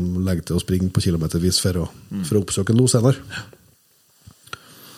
Yes, vi må bare kjøpe videre. Vi har mange vi skal gå gjennom. Absolutt. Ikke vi, vi rekker ikke på alle, men Hansen Engen, om du fikk bestemme, hvilken lov om jakt ville du ha endra på? Eh, ja, skal du, du endre på løs på drevet, du da? Det skal helt korrekt. Yes, så da blir det lov med løs på drevet halsenhund på eh, bjørn og på eh, jerv Og ulv. og ulv. Først og fremst på ulv. Ja, og så tar du den, og da tar jeg slutt på eh, fredning i jula. Ja. Bankers. Da har vi fått rydda opp ganske godt der tvert, tenker jeg. Ja, vi går videre til neste. Um, da er neste Hunting Thoresen. Han lurer på kun jakt rådyr med hund, eller kun jakt elg uten hund. Da blir det kun rådyrjakt med hund for min del. Det støttes der òg. Faen, vi holder på likt for lik nå. Ja, vi må, vi må få inn noe, må få inn noe krangling her. Ja. Um, Timothy Haugland, da. Laugaland. Laugaland, unnskyld. Alltid få skyte for kompisen sin hund, eller at alle andre skjøt for din hund. Nei, jeg tipper at da um, Da tipper jeg at, at alle andre får skjøte min hund, ja. Ja. Det, må nok, eh, må nok, det er artig, alltid artig å få skjøtt sjøl, men eh, jeg vet jo at eh, jeg blir minst like glad når det detter noe for hunden min som om jeg skjøter, om jeg skjøter sjøl, om han gjør det. Det har liksom ikke så stor, stor betydning. Nei. Det stemmer. Kristoffer Strøm han lurer på om det er for tidlig å ha valpen i hundekassa på bilen når man henter den fra kennel, eller er det bare bra at den lærer seg med en gang. Det skal ikke jeg si at jeg vet, da, men jeg kan jo si hvordan vi har gjort det. i hvert fall. Mm. Vi har ikke hatt dem i hundekassen i starten, eh, og latt det gå litt eh, tid før vi gjør det. Det handler nå eh, til dels om at det er litt vanskeligere å ha kontroll på den. Mm. baki der, altså at når du, hvis du kjører, så, så ser du ikke Vi har ikke noen kameraløsning ennå, så vi ser ikke, ser ikke dem. Og jeg synes det eh, er bestandig, når vi henter valper, hatt dem i at vi er flere som kjører, noe så vi kan ha dem i fanget i lag med oss. Ja. Eh, Det er jo stor påkjenning. og Jeg lar det gå litt tid før jeg har dem i hundekassen etter det òg. Jeg har nå brukt eh, På fredag nå så har vi hatt bur inne i bilen og, og sånn, og det er nå ja, for å ha kontroll og for at du skal få litt eh, tilvenning til det. Og så eh, er det i hvert fall nå på vinteren så er det noe kaldt og sånn, da. Ja. Så det er det som, eh, som er med å, å gjøre at eh, vi venter, venter med det. Og så har jeg nå gjort på andre eh, valpene så har jeg latt dem være en del i, i hundekassen, eh, først med døra opp og sånn, før jeg, altså, der vi ikke skal kjøre. Ja. Sånn de blir vant til å være inne her, og så har jeg stengt døra og latt, eh, latt dem være der ute og få kjørt, for de blir vant til det, og så, så tar litt sånn stegvis, tror jeg det kan være en god, god løsning, da. Mm. Tror jeg det, det er ganske mange som putter dem inni der før at de gir dem mat, for, for å venne dem på det. Eh, jeg har gjort det litt annerledes. Jeg har selvsagt ikke de er åtte uker og sånn, så har jeg ikke, ikke gjort det, men fra kan du se fra med tre måneder. Da har jeg hatt dem i hundekassa. Ja. Jeg har- Det er veldig lenge siden jeg har hatt en hundvalp i- inni bilen. Eh, men jeg har passa på da å putte dem inn i hundekassa i lag med en voksen hund. Ja, det er jo absolutt en fordel Som. Ja, som jeg, som jeg for som du sier, så du vet ikke hva som skjer inni her, men, eh, men en del av hundene mine stoler, jeg på, så jeg vet at det, det Ja, ja, kommer ikke å skje noe inni her. Eh, og blir valpen for, eh, for innått og for plagsom, så sier de fra på en måte som hundene skal si fra på. Ja. Så det tror jeg er et godt tips hvis du har en hund fra før av, å putte, putte den inn i lammet der. Ja, det ser jeg jo når du ser altså, det. Rex var jo mye tidligere i hundekassen antagelig inn. Men det går jo både på årstid, at det var jo på sommerstid, Ja. og nå er det 10-15 minus. Ja. Sånn at eh, Ja. Jeg tror nok eh, det er greit å starte eh, tidlig, men jeg tror det er et greit tips å, å la dem prøve å være inne her før du begynner å, å kjøre, for det er klart det er noe og i hvert fall, Jeg tror ikke det er noe lurt å gjøre det på tur hjem fra, fra når du har henta hund, i hvert fall. Nei, nei, nei. Um, Espen Hansen Vik, da. Aldri mer Jegerpodden eller aldri mer elgjakt. Hva vi skal prate om i Jegerpodden hvis vi ikke skal jakte elg? Nei, vi måtte ha jakte noe annet. Eh, jeg tror vi har hatt det Nei, jeg tar søren. Det er jo eh, eh, vanskelig å se for seg et liv uten elgjakt. Det er ikke, det tvil om akkurat nå er vanskelig å se for seg et liv uten Jegerpodden. Ja.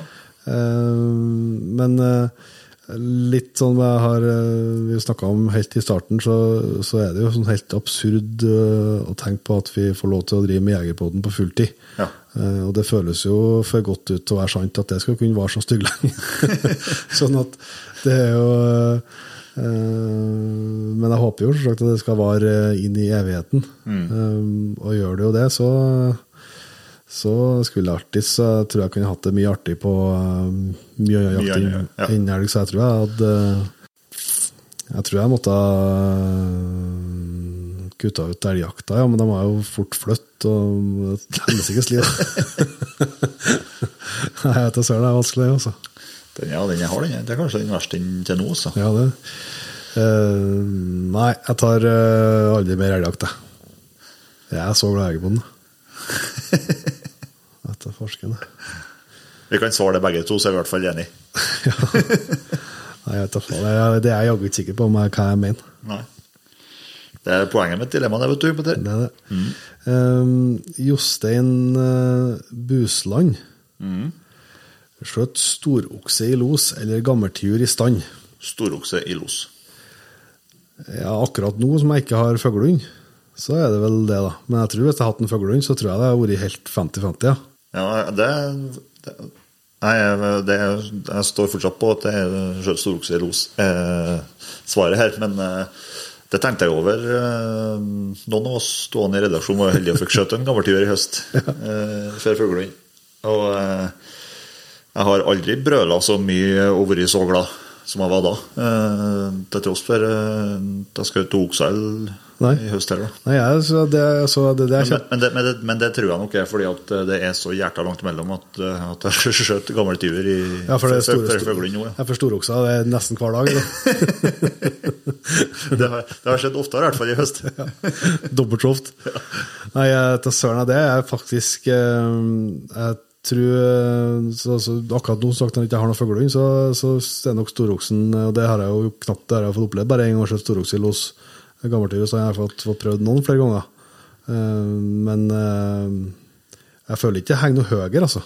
Det er jeg faktisk ikke. Nei, nei, det er Eh, absolutt ikke, for at både at det er vanskelig, men nå liksom den her den, så jeg For min del, når jeg tenker tilbake, hvis jeg tenker tilbake på den største tiuren i stand og storokse i, los, så, så tror jeg at øyeblikkene var nesten altså, oppleves like store. Da. Men eh, akkurat nå som jeg vil gå for storoksen. Eh, neste spørsmål. Hva kan jeg ta? Mort Erik? Ja. Alt, Eh, ja. Alltid litt for mye dog på kikkertlinsa, eller 50% sjanse for at skuddet klikker. Eh, nei, da må ta 50 av det klikker, da. ja. Da er det jo bare å lade om og ta et skott, det. Ja.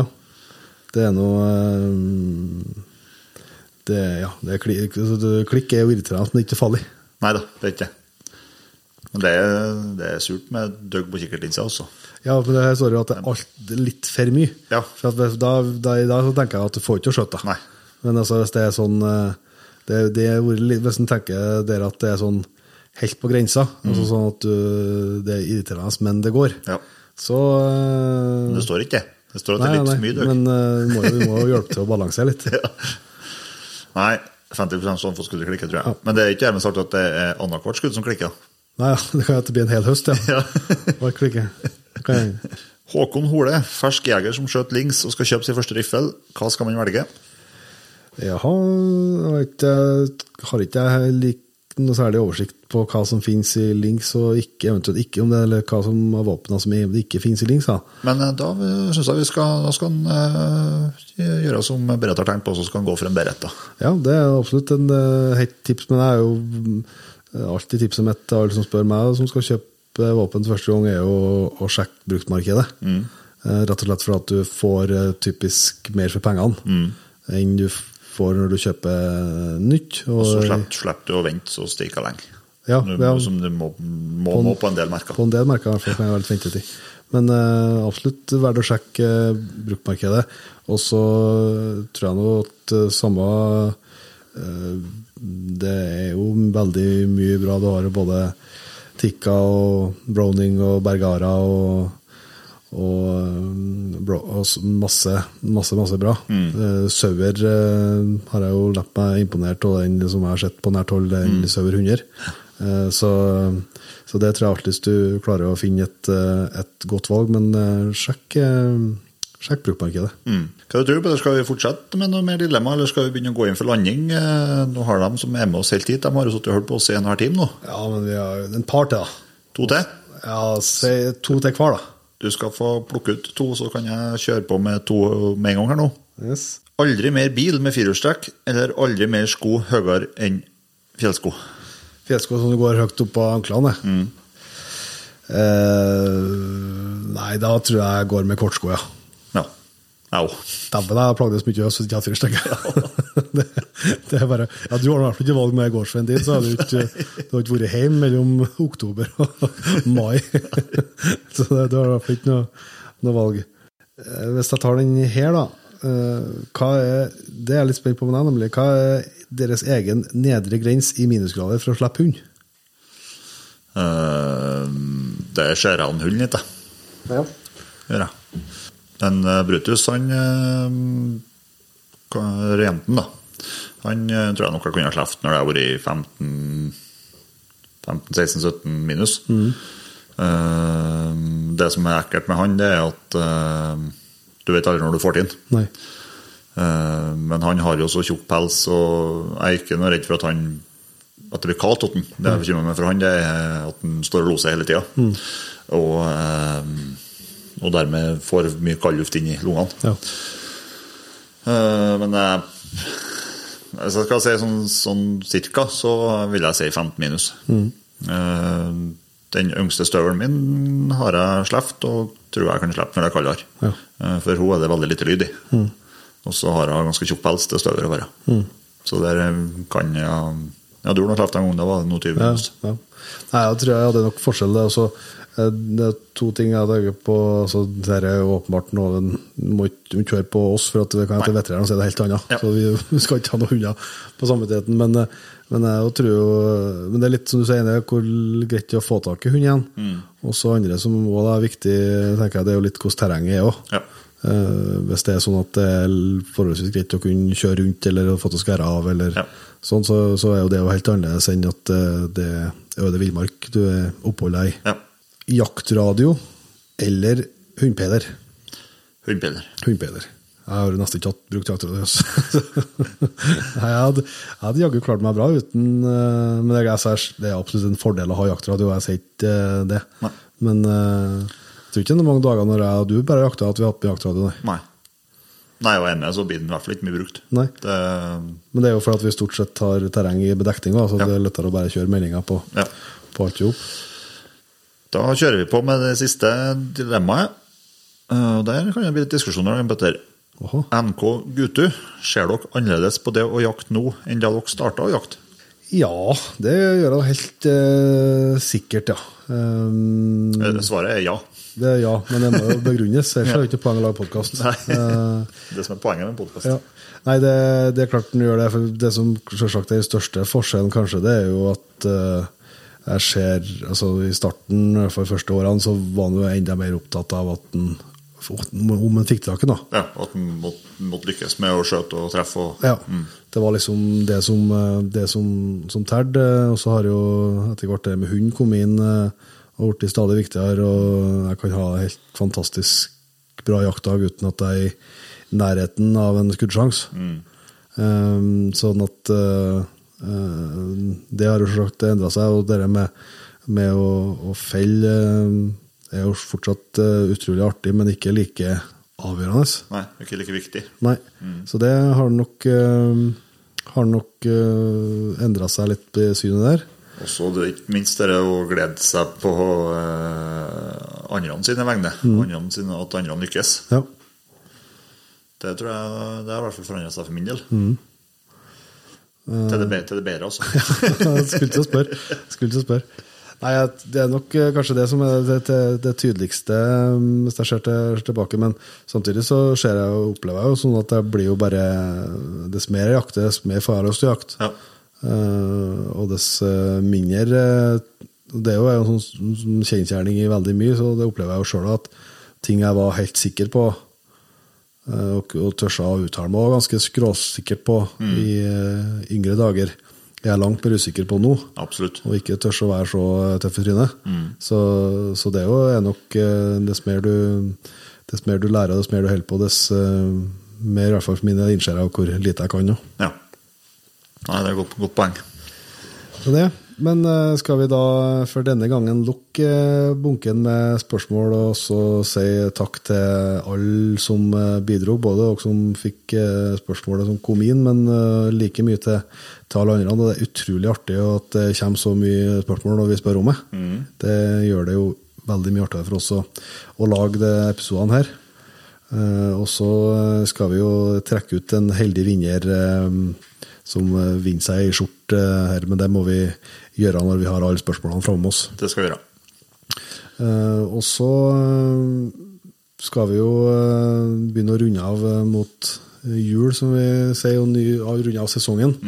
Eh, og da vil jeg nå eh, helt på slutten her òg minne om eh, nettbutikken. Ja. Der er jo noen eh, det er jo flust av julegaver, og Posten sier at uh, alt som uh, blir sendt i posten eh, eh, 15, til og med 15. desember, det skal kom- komme fram til jul. Ja. Sannsynligvis så går det et par dager over det òg, men eh, det er i hvert fall helt garantert. Mm.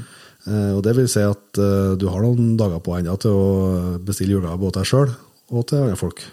Du, vi var jo inne på her, at en skal sette et ekstra pris på nettopp. Sette pris på dem som hjelper til. og Det er ikke sikkert at det er jaktutstyr de ønsker seg, først og fremst, men det kan jo være at vi har noe som eh, de som ikke jakter, kan kose seg med òg. Ja, flanellskjortene våre de er Like fint på like fin på ikke-jegere. Absolutt. absolutt. Så det går an å, å ta med seg. Og så skal vi jo um, Når dette her spilles inn, så har vi ennå ikke fått uh, trukket uh, vinneren av uh, Hiluxen. Mm. Eh, men når den har kommet ut, så er jo det trukket. Så det er derfor at vi ikke har eh, annonsert eh, det med bravur her nå. Men vi nådde jo i lag med våre fantastiske venner i Patrion-jaktlaget det store målet om 3000 patriens. Stemmer. Og vi skal jo komme med en ny milepæl og en ny premie. og der er Detaljene er ikke helt på plass ennå, så vi må holde litt, litt hemmelig ennå. Men vi skal i hvert fall få lov til å runde av året som vi åpna med å ønske en eh, gjeng med nye jegere velkommen inn i jaktlaget. Og da sier vi på toppen tusen hjertelig takk til Jimmy Eriksen, Vegard. Andreas Brodsen, Sander X Fagerstrand. Geir Snefjello, Sandra Henriksen. Mikael Østensen, Eskil Bergli. Martin Tveito, Ørjan Stensæter. Randus Valle. Vegard Holmsve. og Jørgen Nerbø. Tusen hjertelig takk til dere, og selvsagt til hele P3-laget som har vært med oss gjennom året. Tusen takk for i år, Jon Petter. Jo, takk samme. Vi kan jo at vi treffes en tur til før i år, da. Men Ja, det tror jeg, men eh, som podkast-sesongen der nå, den, eh, den runder vi av nå. jeg syns du, du, du, blir- du blir du blir ikke dårligere. Nei. Kan jeg jo skjøtte inn at det er noen som syns at lyden er på er bedre de siste episodene. Så kan jo du, jeg vet ikke. For at du har blitt teknisk ansvarlig? Det, ja. det? ble ikke å kleinere til deg, gitt. Nei, men Tusen takk, kjære Jegerpodlytter, for at du er med oss vekka for vekka og hører på det vi lager. Det setter vi kjempestor pris på, og vi håper at du liker det du får høre òg. Så da sier vi riktig god førjulstid og riktig god jul og godt nyttår eh, når du kommer så langt. Og så er vi tilbake rett over jula med nye episoder og eh, nytt mot. Mm. God jul, folkens. God jul, Og til neste gang. Vi høres. Tusen hjertelig takk for at du valgte å bruke litt av tida di på Jegerpodden. Sjekk ut jegerpodden.no eller eh, din favoritt podkastspiller for enda mer innhold og flere episoder.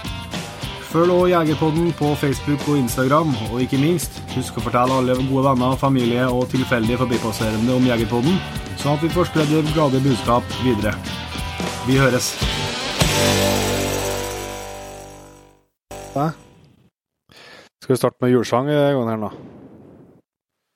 Sjå snøna ligg, så fin og kvit. Nå kjem det hest og slea hit. Er det den som er favoritten din, eller? Eller er den eh, Det var julekveld i skogen da, da, da, da. Den syns jeg er litt fin. Eh, Hører, hører, hører du den, jo? Hør, krigsseiler Olsen i andre, nå har han funnet sitt munnspill igjen. Og gjennom drømmenes verden han vandrer, bak trappa ned mens lyden svinner hen. Det er fin. Over byen henger det en måne, og månen lyser så gul Nei, jeg skal ikke plage mer med, men eh,